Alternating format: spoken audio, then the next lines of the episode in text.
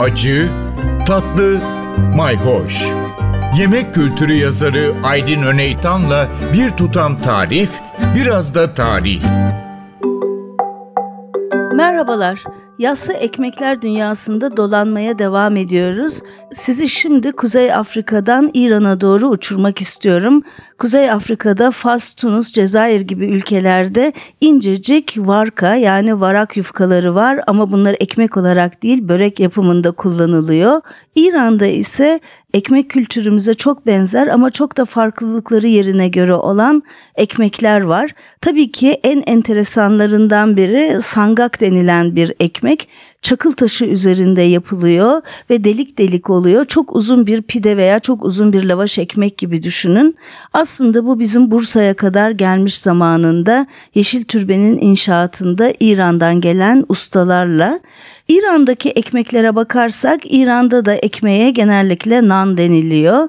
Yuvarlak pidelerde bizim pide ekmeklere çok benzeyenlerde nan sebziyat var. Şimdi bunun içinde sebzi denince ot anlayacaksınız. Bize sebze bildiğimiz sebze için kullanılıyor fakat orada ot anlamına kullanılıyor.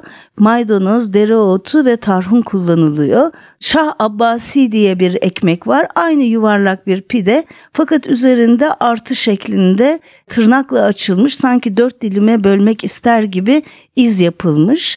Şirmal diye bir ekmekleri var ki bizim tırnak pideyle hemen hemen aynı. Tek başına yanında bir ayranla veya sütle öğün olacak kadar güzel. Bazen de isimler batıdan da eklenerek ilginç e, haller alıyor. Mesela nan sandviçi var ki bu da sandviç ekmeği gibi ama aslında bildiğimiz uzun bir pide ekmek.